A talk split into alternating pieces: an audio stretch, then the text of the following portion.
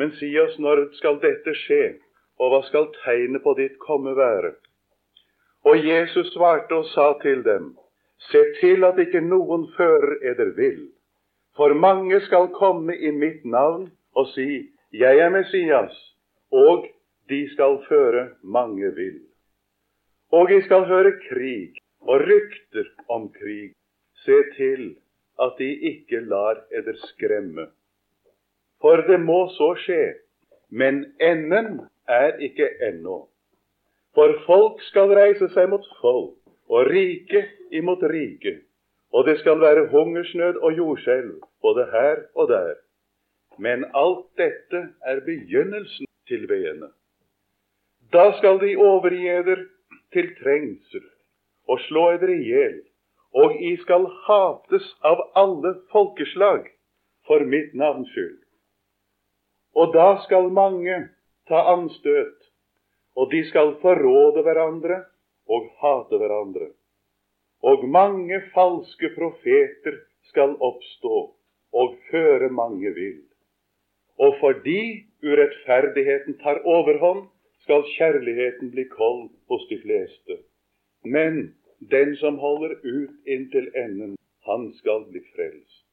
Og dette evangelium om riket skal forkynnes over hele jorderiket til et vitnesbyrd for alle folkeslag. Og da skal enden komme.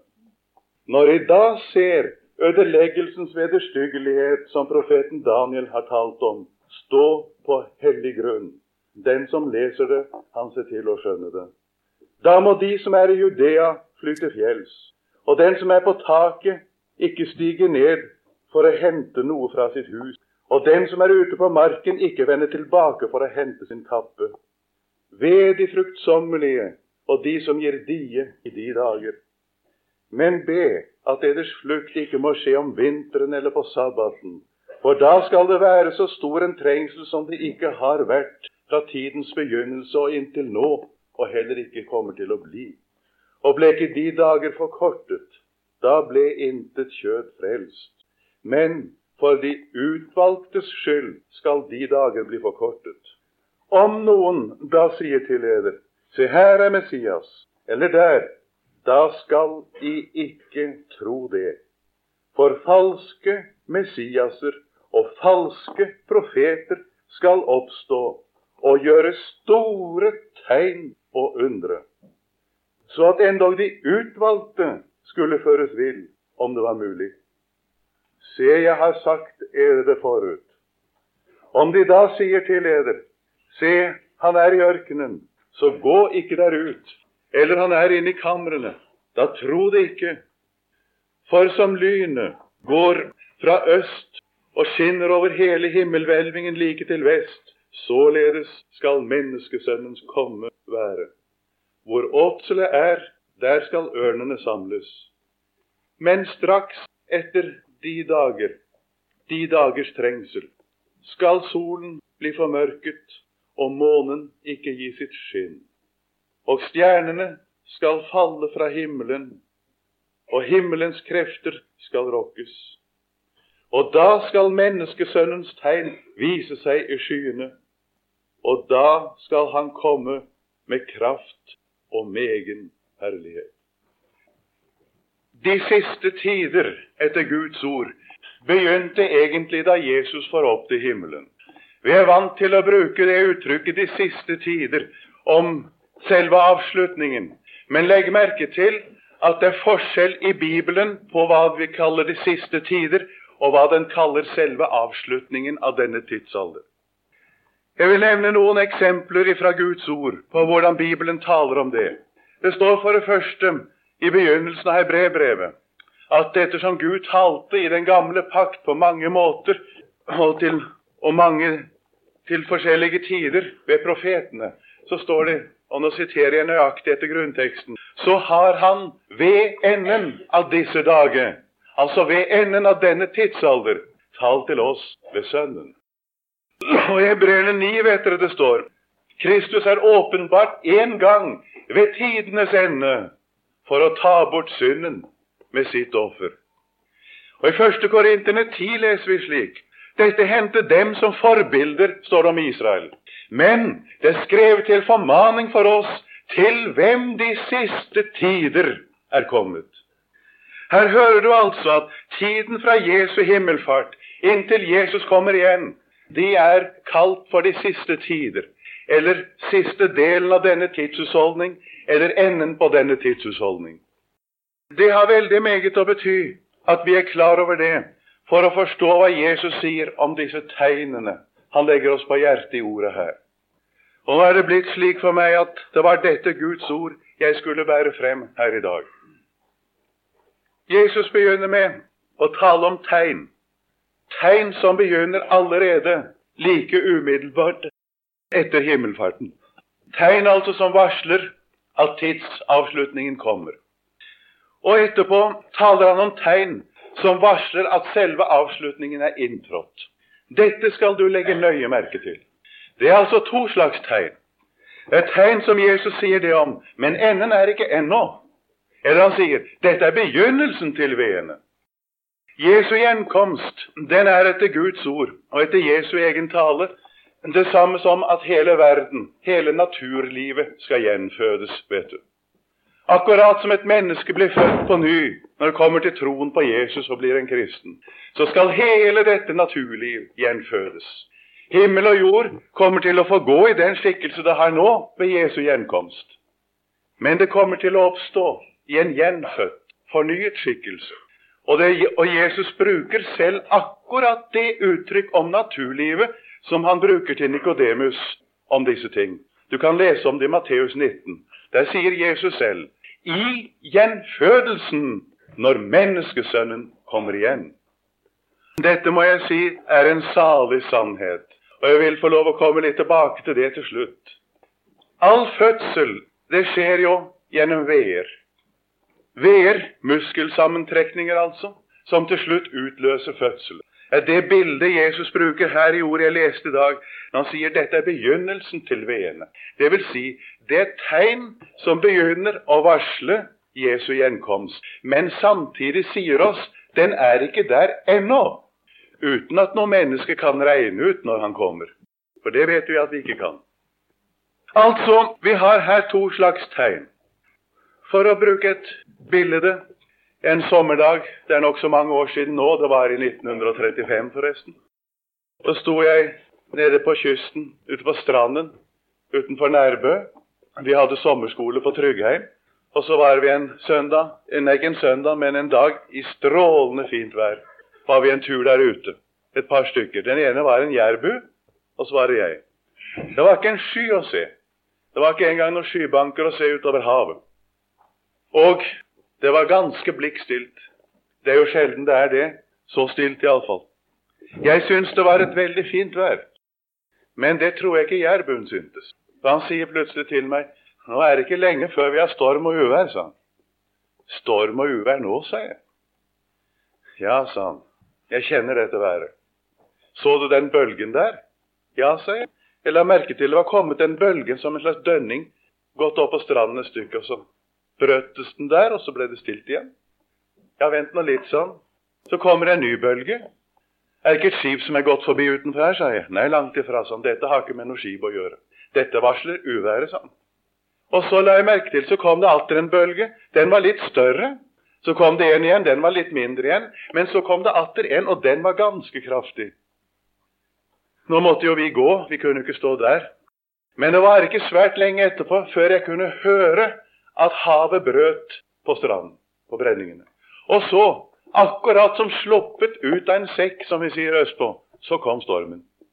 Dette har jeg mange ganger tenkt på er et godt bilde på disse tegnene Jesus taler om her. Her er tegn. De kommer. De begynner allerede like etter at Jesus er fart opp til himmelen. Så blir det borte. Så kommer de igjen, kanskje sterkere. Så blir de borte igjen. Så kommer de atter igjen og ser ut til å bli borte. Og så kommer de, og så begynner de å komme sterkere og sterkere og sterkere for hver gang. La oss nå se litt først på disse tegnene. Det første Jesus nevner, er at de skal høre krig og rykter om krig. Ja, slik har det vært. Så er det blitt stillere igjen. Så er det kommet rykter om krig, og det er blitt krig igjen. Og det er ikke noe vanskelig å konstatere at her har det økt på for hver gang. Og vi har opplevd to verdenskriger. Og vi spør oss selv hvordan blir den tredje? Jeg tror ikke akkurat det er noe å glede seg til, menneskelig sett, nei.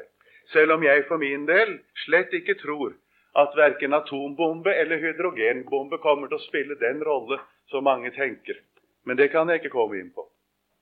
Men Jesus sier, 'La eder ikke skremme'. Og Jeg vil gjerne si til dere troende venner, du skal ikke la deg skremme.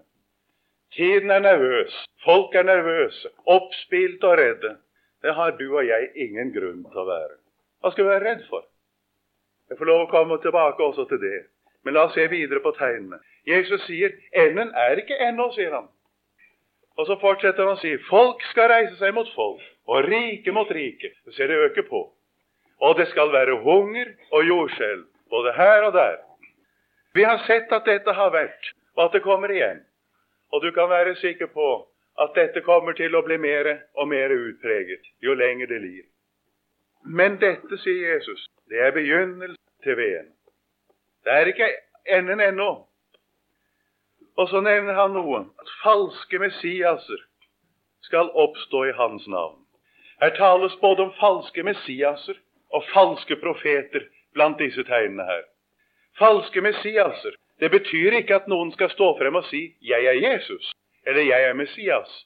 Men det betyr det skal stå frem menn som gjør krav på å være det som bare Jesus, Messias, er og som ingen annen kan være, nemlig være menneskehetens redningsmenn. Det skal stå frem menn som vil gjøre krav på at vi skal greie opp med nøden i verden. Hvis du vil følge meg, og hvis dere vil gjøre som jeg mener, så skal det ikke bli arbeidsløshet. Så skal det ikke bli nød og fattigdom. Så skal det bli sosial rettferdighet osv. Du kjenner disse røstene. De er kommet, disse røstene, og de er forstummet. Det kommer nye som er sterkere og forstummer igjen. Og det kommer atter nye. Og det mangler ikke at vi har slike røster også i vår tid. Både på det politiske området, på det økonomiske området og på det religiøse området. Røster som sier det. Følg oss. Tenk på pavedømmet. Tenk på diktaturet i dets forskjellige former. Ja, tenk på diktaturet også i form av det man kaller en velferdsstat. Jeg begriper ikke at menneskene er så blinde, og at troende mennesker er så blinde, at ikke de ser at å gå inn i velferdsstaten er å gi seg inn under diktatur med begge bena. Det kan ikke være annerledes. Her kommer det altså i politiske systemer, i enkeltpersoner, kommer røster som gjør krav på å redde menneskeheten. Og det er det Jesus tenker på når han taler om falske Messiaser. Altså de som på en falsk og løgnaktig måte gir seg ut for å være verdens redningsmenn, fordi det er én som er Messias, og det er han som vi tror på. De skal komme, og det alvorlige er de skal føre mange Og legg nå merke til her taler altså Jesus til disiplene. Og dette ordet det gjelder først og fremst Og når Jesus sier at det skal lykkes disse krefter å føre mange vill, da er det det Jesus mener. Det skal lykkes dem å føre mange bort fra Gud og bort fra sannheten. Og her er vi inne ved noe som du og jeg må være våkne for. Denne tiden er slik, både politisk og økonomisk og sosialt, at den som ikke er våken her, og tyder den tid han lever i i lys av Jesu ord, han kommer til å fare vill før han vet det, og da kan det være for sent. Jeg tenker på, la meg nevne det, en sånn ting som fagorganisasjoner. Det er jo noe som er så typisk for det, den tiden vi kommer inn i, at hele samfunnssystemet er slik at skal du kjøpe, så må du organisere deg. Og skal du selge, så må du organisere deg. Skal du gi arbeid, må du organisere deg. Og skal du ta arbeid, så må du også organisere deg. Nå er det vel i og for seg ingenting å si på en fagorganisasjon så lenge det er tale om at den varetar arbeidernes kår osv. Men legg merke til noe, venner. De er ikke fornøyd med det. De krever at du skal tro som de tror. Du skal mene som de mener. Du skal stemme politisk som de stemmer. De gjør krav på ditt hjerte, din tro, din overbevisning og din samvittighet. Husker du hva Jesus sa? Gi Gud hva Gud sa, og keiseren hva keiseren sa. Det er bare én som har krav på mitt hjerte, og det er Han som har frelst meg. Han som døde for meg og lever for meg. Han som sier, 'Sønn, datter, gi meg ditt hjerte'. Det er bare Han som har krav på min samvittighet, min tro, min overbevisning. Men vi må være forberedt på at samfunnet slik blir det vel helst foreløpig, iallfall under våre forhold. Det man kaller samfunnet. Det vil gjøre krav på vårt indre menneske, der hvor Gud alene har rett på det. Og er ikke dette vi møter så mye allerede nå? Det er ikke nok at du oppfyller dine samfunnsplikter, om du gjør det aldri så samvittighetsfullt. Men du skal tro på en bestemt måte. Du skal ha en bestemt oppfatning av tingene, ikke sant? Hva annet er det enn at den falske Messias er begynt å bli virksom?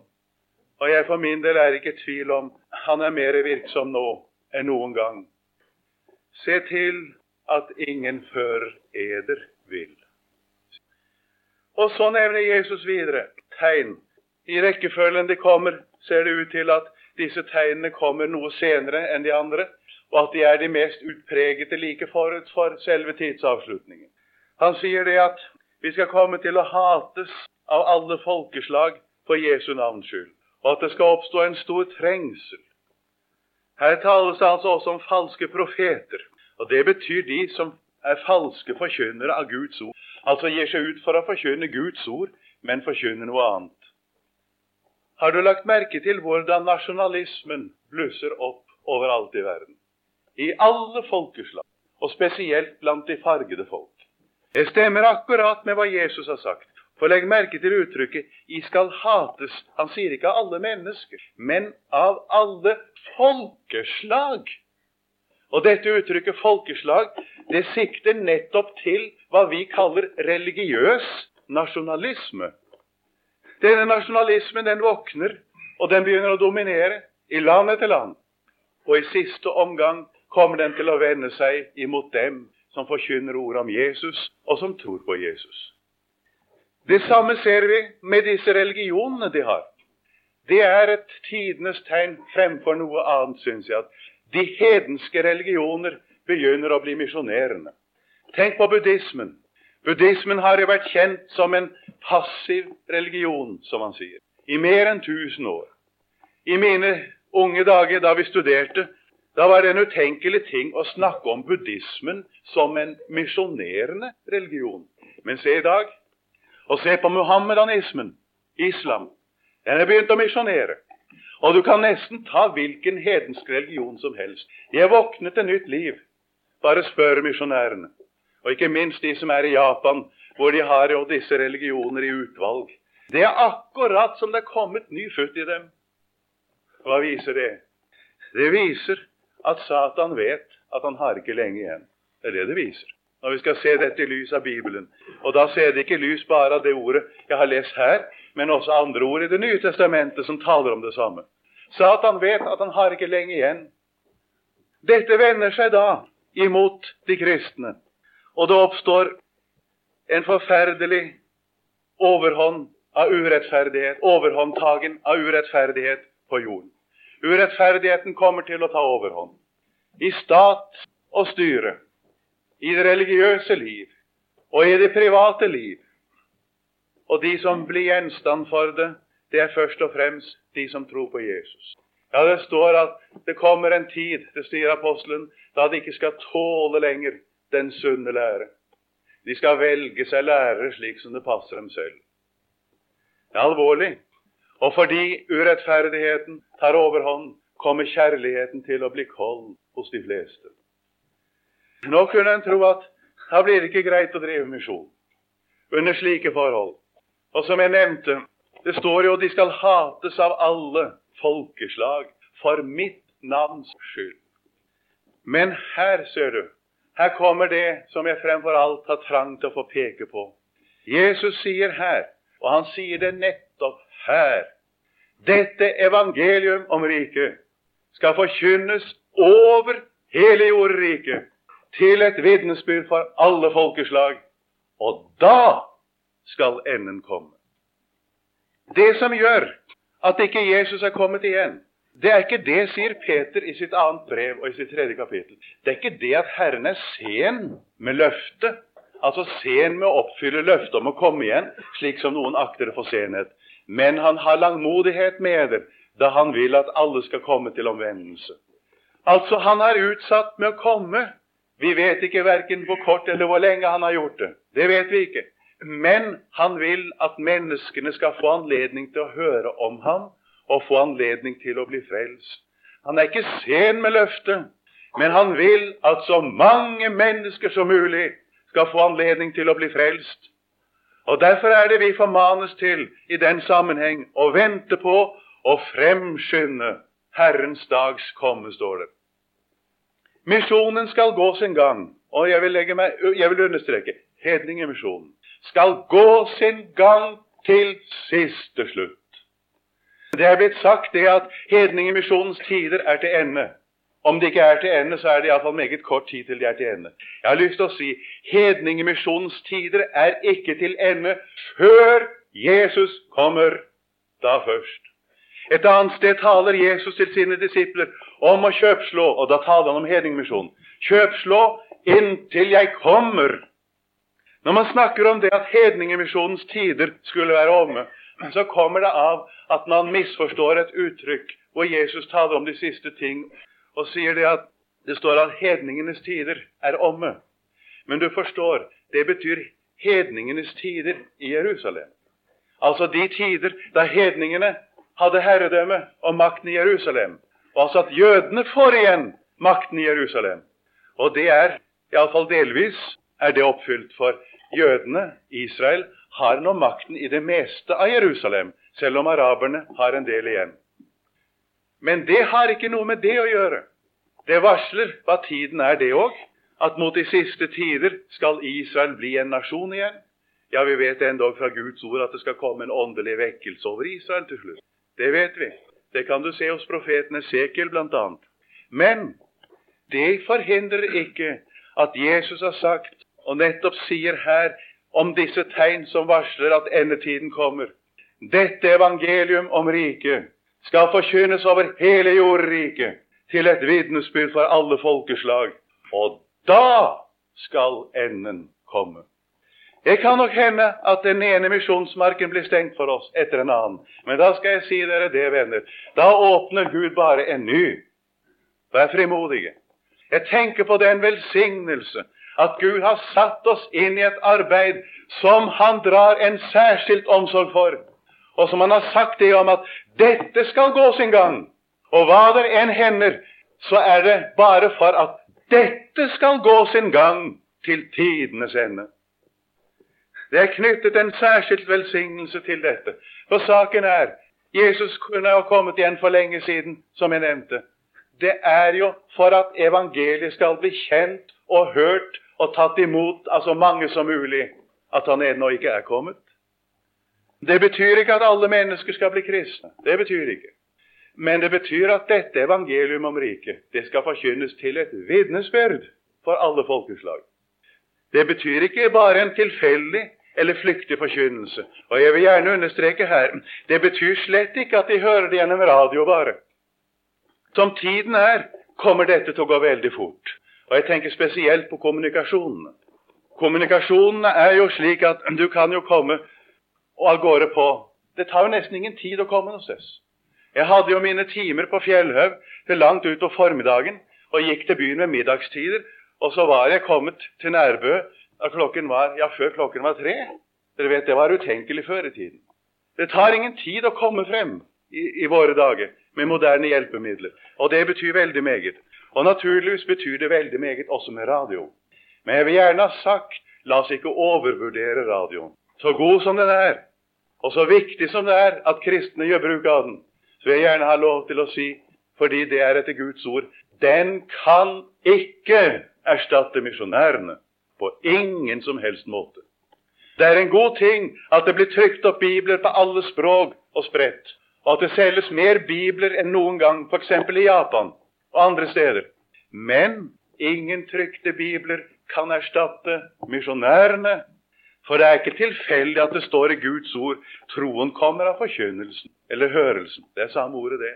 Og forkynnelsen eller hørelsen skjer ved Kristi ord.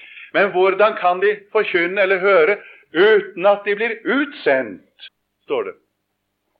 Det må være noen som forkynner. Det må være noen som blir utsendt. Og det er nettopp det Jesus vil ha lagt oss på hjertet. Dette skal gå sin gang til tidenes ende. Det kommer aldri en dag da hedningmisjonen stopper, før alt er stoppet. Men vi måtte være både døve og blinde hvis vi ikke skulle forstå at denne dagen den er meget nære. Og dette går meget fort, og det skal Jesus ha takk for. Og så står det Og da Og nå kommer noen andre tegn.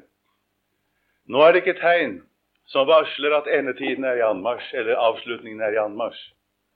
Men nå kommer det tegn som varsler at nå er selve avslutningen begynt. Når da ødeleggelsens vederstyggelighet står på hellig grunn. Her tales det om Antikrist. Ødeleggelsens vederstyggelighet. Syndens menneske kalles det. Han som Satan gir hele sin makt til. Når den står på hellig grunn. Antikrist, det betyr to ting på en gang. Anti du hører det sammensatt av to ord. Anti og Kristus. Anti, det betyr både imot i fiendtlig mening og istedenfor. På en og samme tid. Antikrist, det betyr en som er Jesu Kristi rake motstander og fiende, som gjør krav på å være Kristus og komme i Kristi sted. Altså en Jesu Kristi motstander og fiende som vil ta Jesu Kristi plass. Han kommer til å stå på hellig grunn, står det. Det vil si, han kommer overfor alle kristne til å gjøre krav på og bli trodd på og hyllet som Messias av de kristne. Og vi vet, slik som hele samfunnsstrukturen utvikler seg, og alt legges til rette, så skjønner vi at det er den veien det går. Det har vært mange antikrister også før. Og det står at antikristens ånd den er allerede nå i verden, sier apostelen Johannes. Men her kommer altså selve den egentlige antikrist. Og han kommer akkurat ved de tider da det er skjedd at evangeliet er blitt forkynt til et vitnesbyrd for alle folkeslag. Da skal nemlig enden komme. Og sier Jesus at når i dag, nemlig når dette er skjedd, altså, da ser ødeleggelsens vederstyggelighet, den som profeten Daniel har talt om, stå på hellig grunn. Og så lar Gud evangelisten føye til for at de skal legge merke til hva Jesus har sagt. Og Det er altså Guds ord til oss også, den evangelistens bemerkning som kommer der. Den som leser det, han ser til å skjønne det. Antikristen, han vil altså ta alt i sin hånd. Og da vet du det ligger ferdig. Alt er jo organisert. Og da vil det først og fremst gå ut over de kristne. Men han kan ikke komme så lenge det er noe som holder igjen. Det står om dette i 2. Tesalonikerbrevs 2. kapittel, at dette syndens menneske skal åpenbares.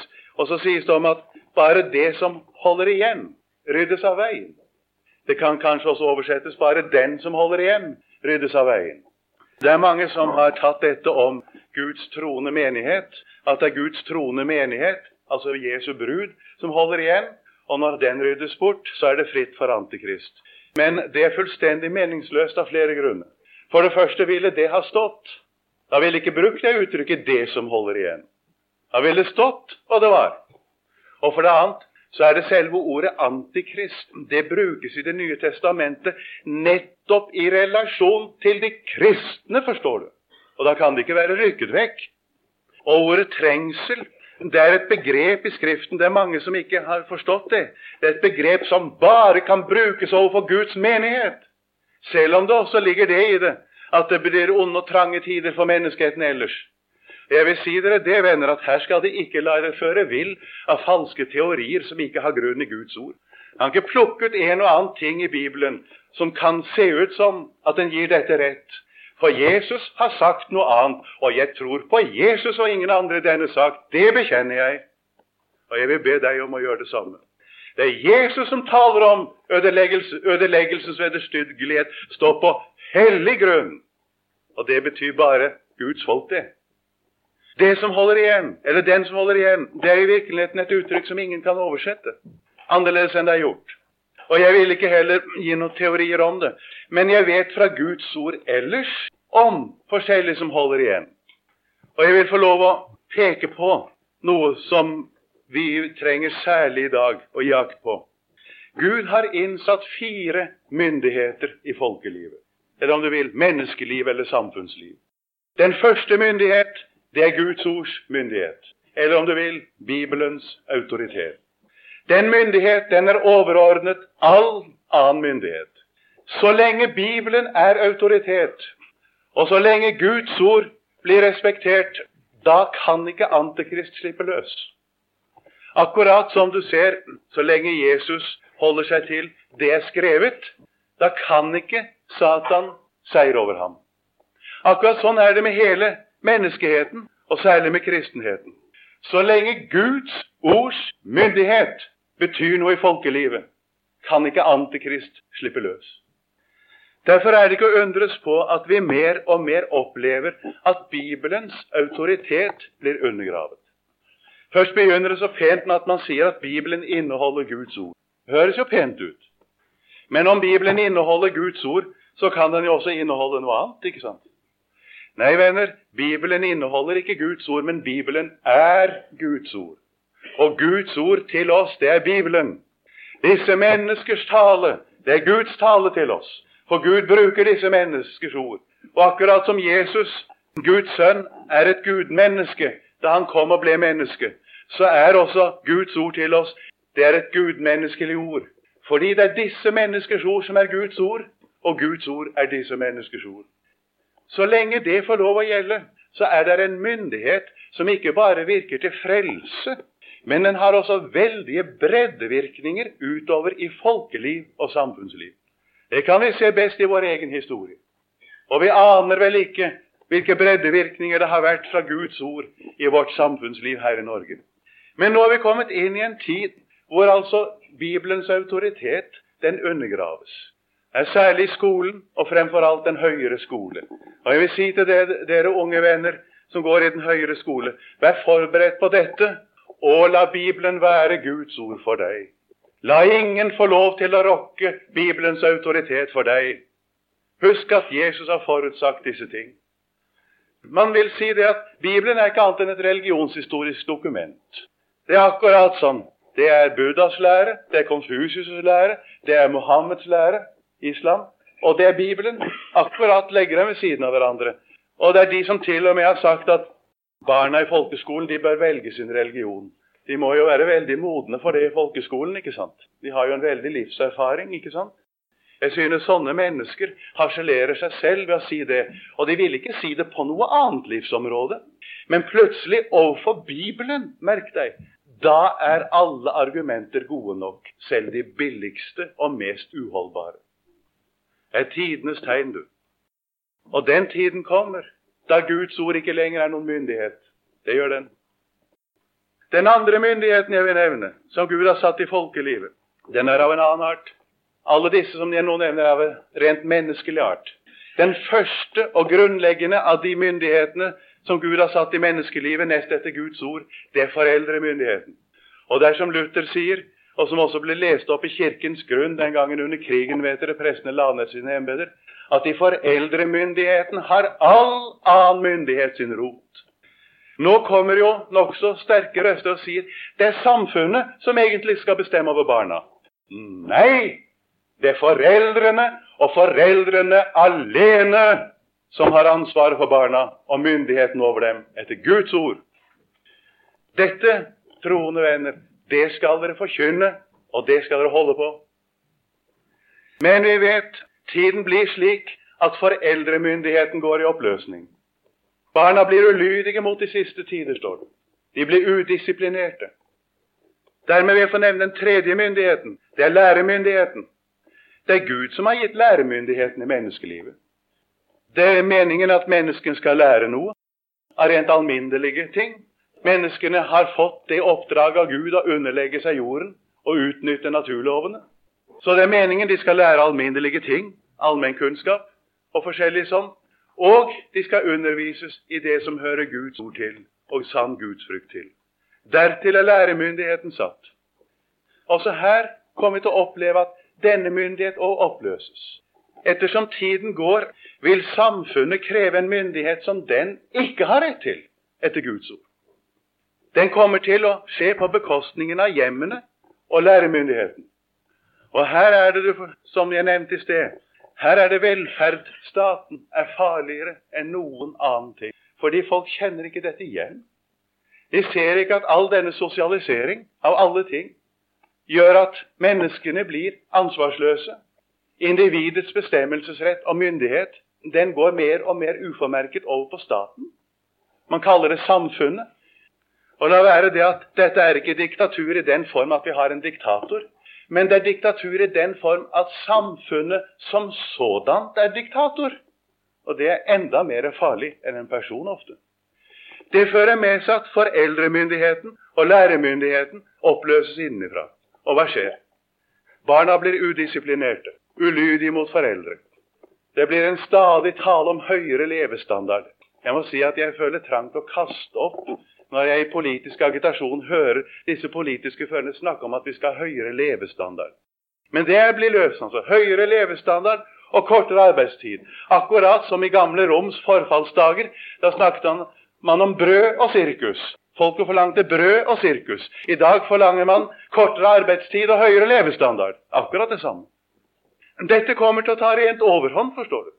Og hva skjer så? Jo, sier Guds ord, menneskene de blir kravfulle, nytesyke, dovne. De mister ansvarsfølelse. De blir upålitelige, står det i Guds ord. Alt dette står i Bibelen om menneskene de siste tider. Og du kan lese om det i forskjellige brevene som taler om det. Du kjenner nok igjen. Ungdommen den har jo ikke noen myndighet. Ingenting er rett lenger, og ingenting er urett lenger.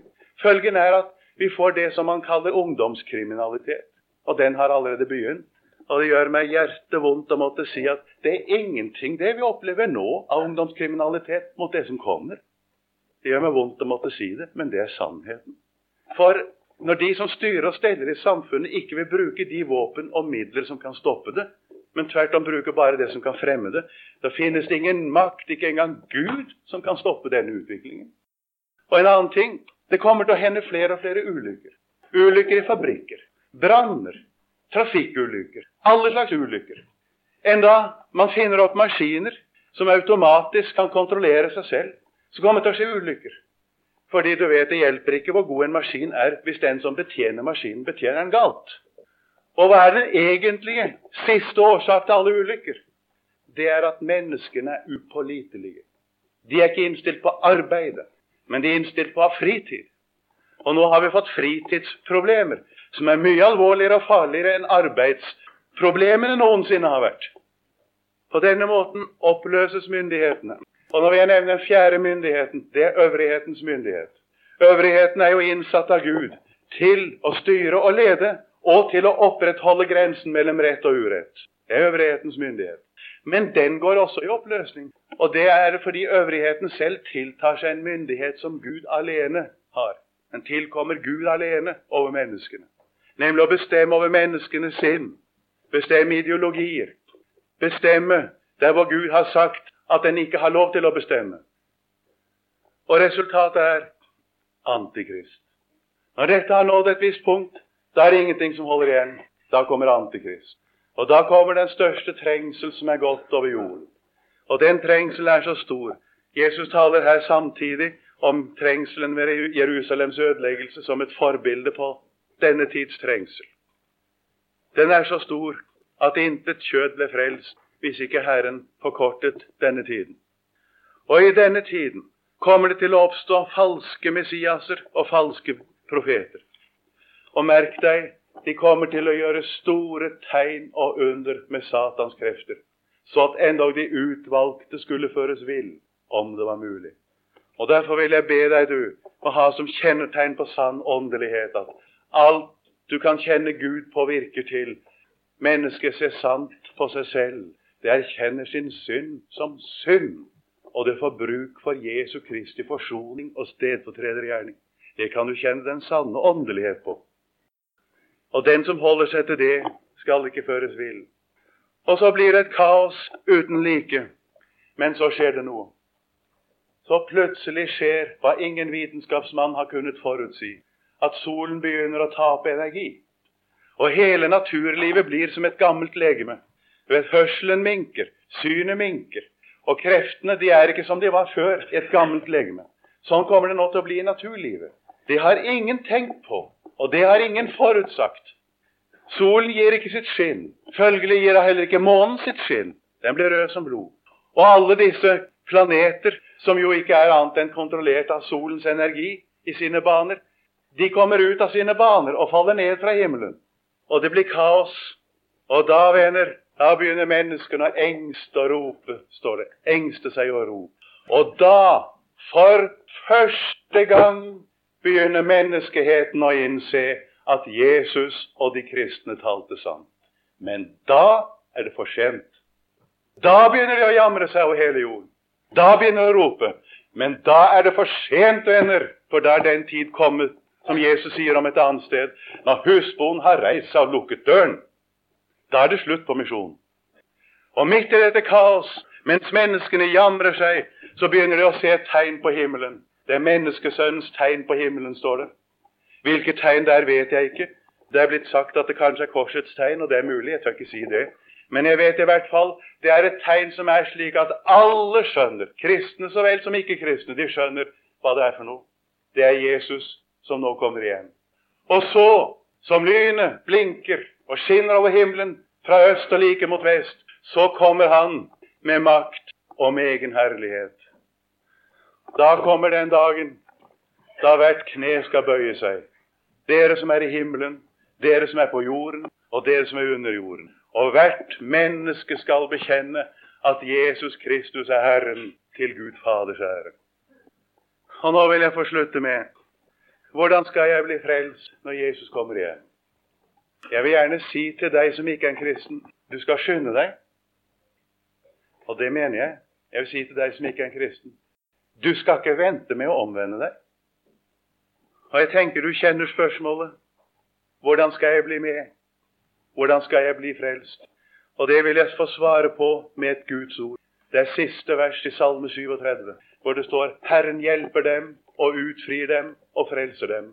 Han utfrir dem fra de ugudelige og frelser dem fordi de har tatt sin tilflukt til ham. Det står at Herren utfrir dem fra de ugudelige og frelser dem. Og det er nettopp det som skjer når Jesus kommer igjen. At vi som tror på ham, vi blir jo utfridd fra det ugudelige. Vi kommer ikke til dom. Jesus har sagt, det står i Johannes 5, den som hører mitt ord og tror Ham som har sendt meg, han har evig liv og kommer ikke til dom, men er gått over fra døden til livet. Det at det står 'kommer ikke til dom', det betyr ikke det at vi ikke skal fremstilles for dommen, for det skal alle mennesker, troende og ikke troende. Men det betyr du skal bli frelst i dommen.